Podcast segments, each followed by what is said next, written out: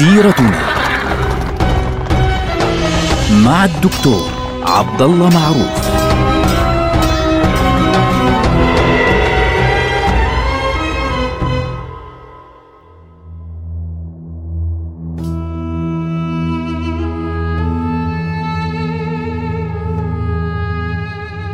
السلام عليكم ورحمة الله وبركاته.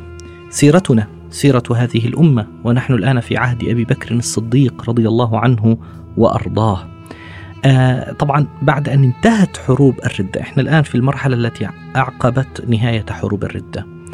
بعد نهاية هذه الحروب انتبه عمر رضي الله عنه، عمر بن الخطاب وزير أبي بكر رضي الله عنه انتهى انتبه إلى مشكلة كانت قد حصلت في آه نهاية حروب الردة. خاصة في معركة اليمامة. في معركة اليمامة استشهد أكثر من ألف يعني 1200 1300 في بعض الروايات. يعني نحكي عن 1200 آه، شهيد من المسلمين في معركة اليمامة وحدها. هذا غير لسه بقية آه، المعارك والحروب اللي في مختلف مناطق الجزيرة العربية. عمر رضي الله عنه وصله أخبار بأنه سالم مولى أبي حذيفة رضي الله عنه. نعم حامل القرآن سالم. هكذا كان يقول النبي صلى الله عليه وسلم استشهد. فلان استشهد فلان استشهد فلان استشهد. قراء القرآن حملة القرآن الكبار كلهم هذول كلهم استشهدوا. فبالتالي عمر رضي الله عنه خاف على القرآن من أن يضيع. فطلب الإذن من أبو بكر الصديق وجلس معه قال له يا أبا بكر إن القتل استحر بالقراء. الحفاظ الذين يحفظون القرآن وأخذوه عن رسول الله صلى الله عليه وسلم. وإنك تعلم أن القرآن مفرق في صدور الرجال وفي الرقاع وفي العظام وفي هنا ويعني كل كل مكان فيه هيك قطعة من هنا قطعة من هون إلى آخره. فالأمر يعني صعب. فلو يعني لو آه، جمعت هذا القرآن لو أمرت بأن يجمع القرآن في دفتي مصحف إيش رأيك بهالفكرة؟ ففي البداية أبو بكر الصديق إيش قال له؟ قال له كيف أفعل أمرا لم يفعله رسول الله صلى الله عليه وسلم؟ لاحظوا أبو بكر الصديق رضي الله عنه بالنسبة له إيش القضية دائما المف... المفصل الأساسي في أي عمل بيعمله إيش هو؟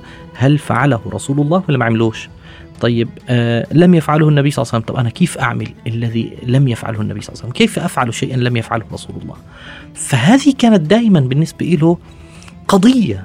لاحظوا مجرد ما أمر النبي صلى الله عليه وسلم انفذوا بعث أسامة مباشرة أنفذ بعث أسامة. قالوا له يا خليفة رسول الله وين تبعث بعث أسامة؟ فقال لهم لو علمت أن السباع تأكلني في هذه المدينة لأنفذت بعث أسامة. لأن النبي صلى الله عليه وسلم يعني أمر. إيه طيب غير أسامة ويحكم. يعني كيف أغير أسامة؟ استعمله رسول الله وتريدني أن, أن, أن أعزله؟ شو مالكم؟ طيب في حروب الردة النبي صلى الله عليه وسلم قال يعني إلا بحقه وحق قال لهم أبو بكر الصديق وحق المال هو الزكاة. فبالتالي هذه من الإسلام الزكاة. والله لأقاتلن بين من فرق بين الصلاة والزكاة. لاحظوا التعبير الأساسي عنده كان إيش هو؟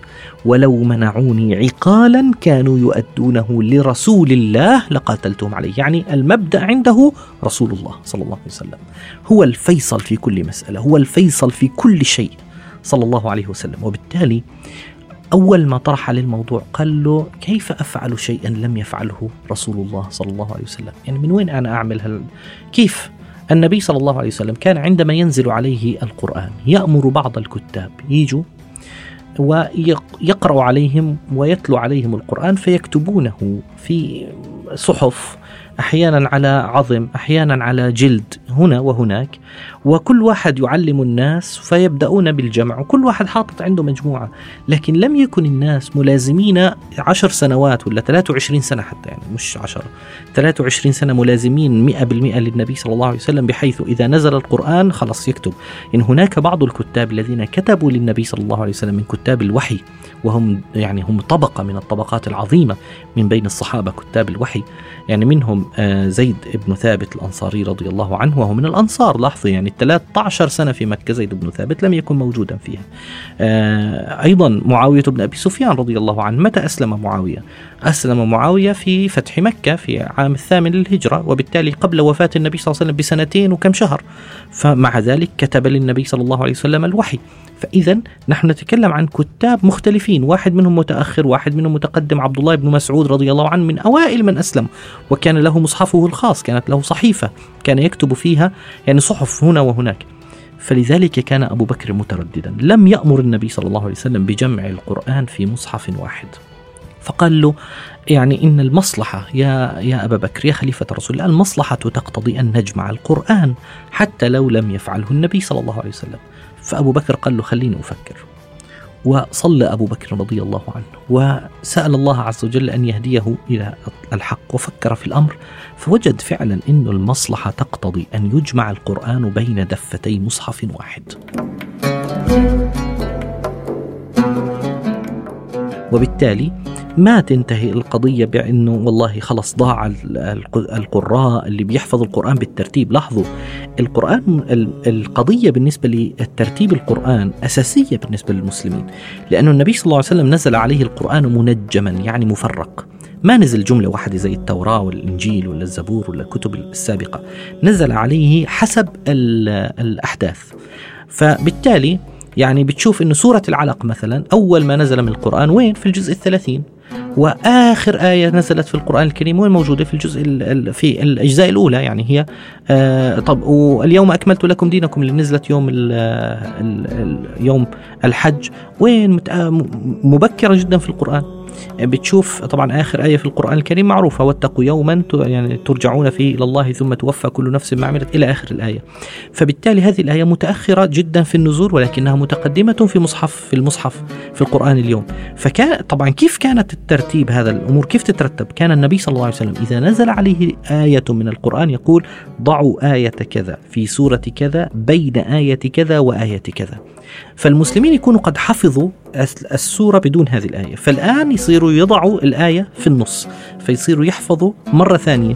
لاحظوا الجهد العظيم الذي قام به أصحاب النبي صلى الله عليه وسلم لترتيب القرآن في أذهانهم وفي قلوبهم أولا قبل أن يوضع على الورق. لذلك كانت المسألة مهمة خاصة أنه أيهما أولا سورة كذا ولا سورة كذا؟ طب أيهما سبقت؟ سورة كذا ولا سورة كذا؟ طيب أيهما الآية هذه؟ ممكن واحد ما سمع الآية وممكن واحد راحت على الآية وممكن واحد ضل حافظ الآية بدون الآية بدون البقية التي يعني نزلت في وسطها مثل الآية الكريمة مثلا آه غير أولي الضرر. هذه الثلاث كلمات نزلت وحدها نزولا لا يستوي القاعدون من المؤمنين غير أولي الضرر. كانت في البداية نزلت لا يستوي القاعدون من المؤمنين إلى آخر الآية بدون غير أولي الضرر.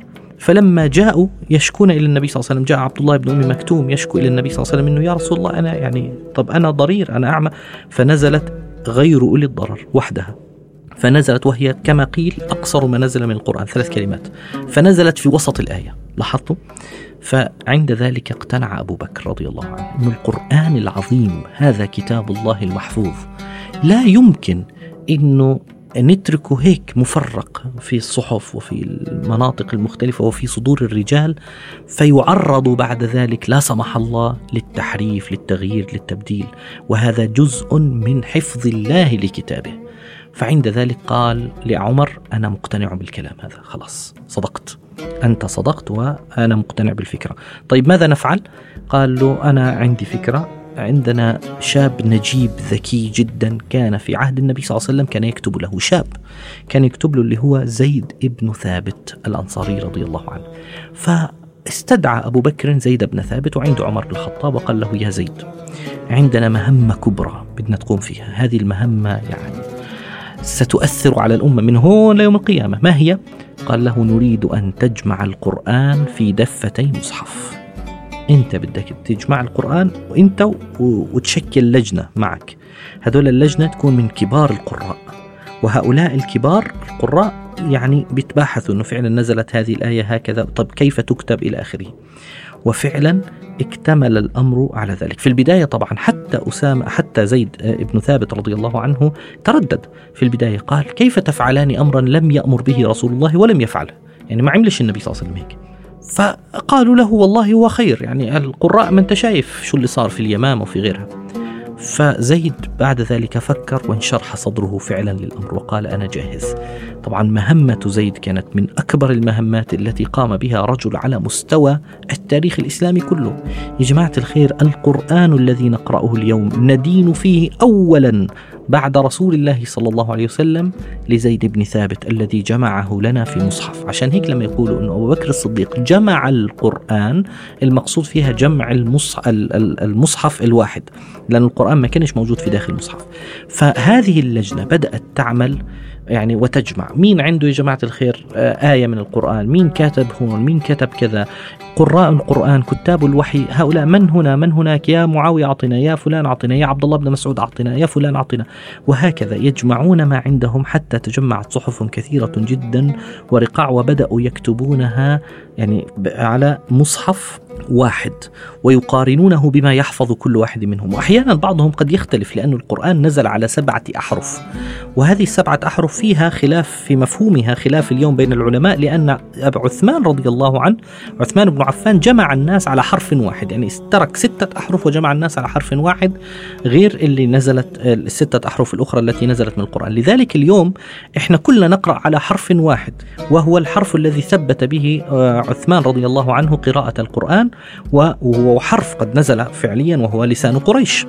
فبالتالي آه، النبي صلى الله عليه وسلم نزل عليه القرآن على سبعة أحرف وليس واضحا حتى اليوم ما معناها. أظن أنها مختلفة مختلف فيها في موضوع لفظ الكلمات أحيانا إلى آخره أو ممكن تكون لها علاقة بلهجات العرب. هي مختلفة فيها عموما بين علماء القرآن الكريم وما بدي أدخل في هذه القضية. يعني درسناها في في الجامعة منذ زمن طويل وكان فيها نقاش حتى اليوم ما زال هناك نقاش في مفهومه. الذي يهمنا أن هذه الدفتين من المصحف كانت على يعني تبين أن هناك سبعة آه، آه، أحرف واجتمعت فعليا هذه الدفة الكاملة فكانت عند أبي بكر رضي الله عنه. أصبح القرآن موجودا في كتاب واحد. هذا الكلام أصبح ثابتا فعليا عند أبي بكر وبعد وفاته انتقلت هذه النسخة إلى عمر رضي الله عنه ثم انتقلت هذه النسخة إلى آه، حفصة رضي الله عنها وأرضاها. هذا العمل كان الذي حفظ القرآن ابتداء بعد آه، وفاة النبي صلى الله عليه وسلم. طبعا وسيكون هناك أيضا عمل آخر مهم في هذا الموضوع هو عمل سيدنا عثمان رضي الله عنه في خلافته وسنتكلم عنه لاحقا بإذن الله. نلقاكم على خير. والسلام عليكم ورحمة الله وبركاته.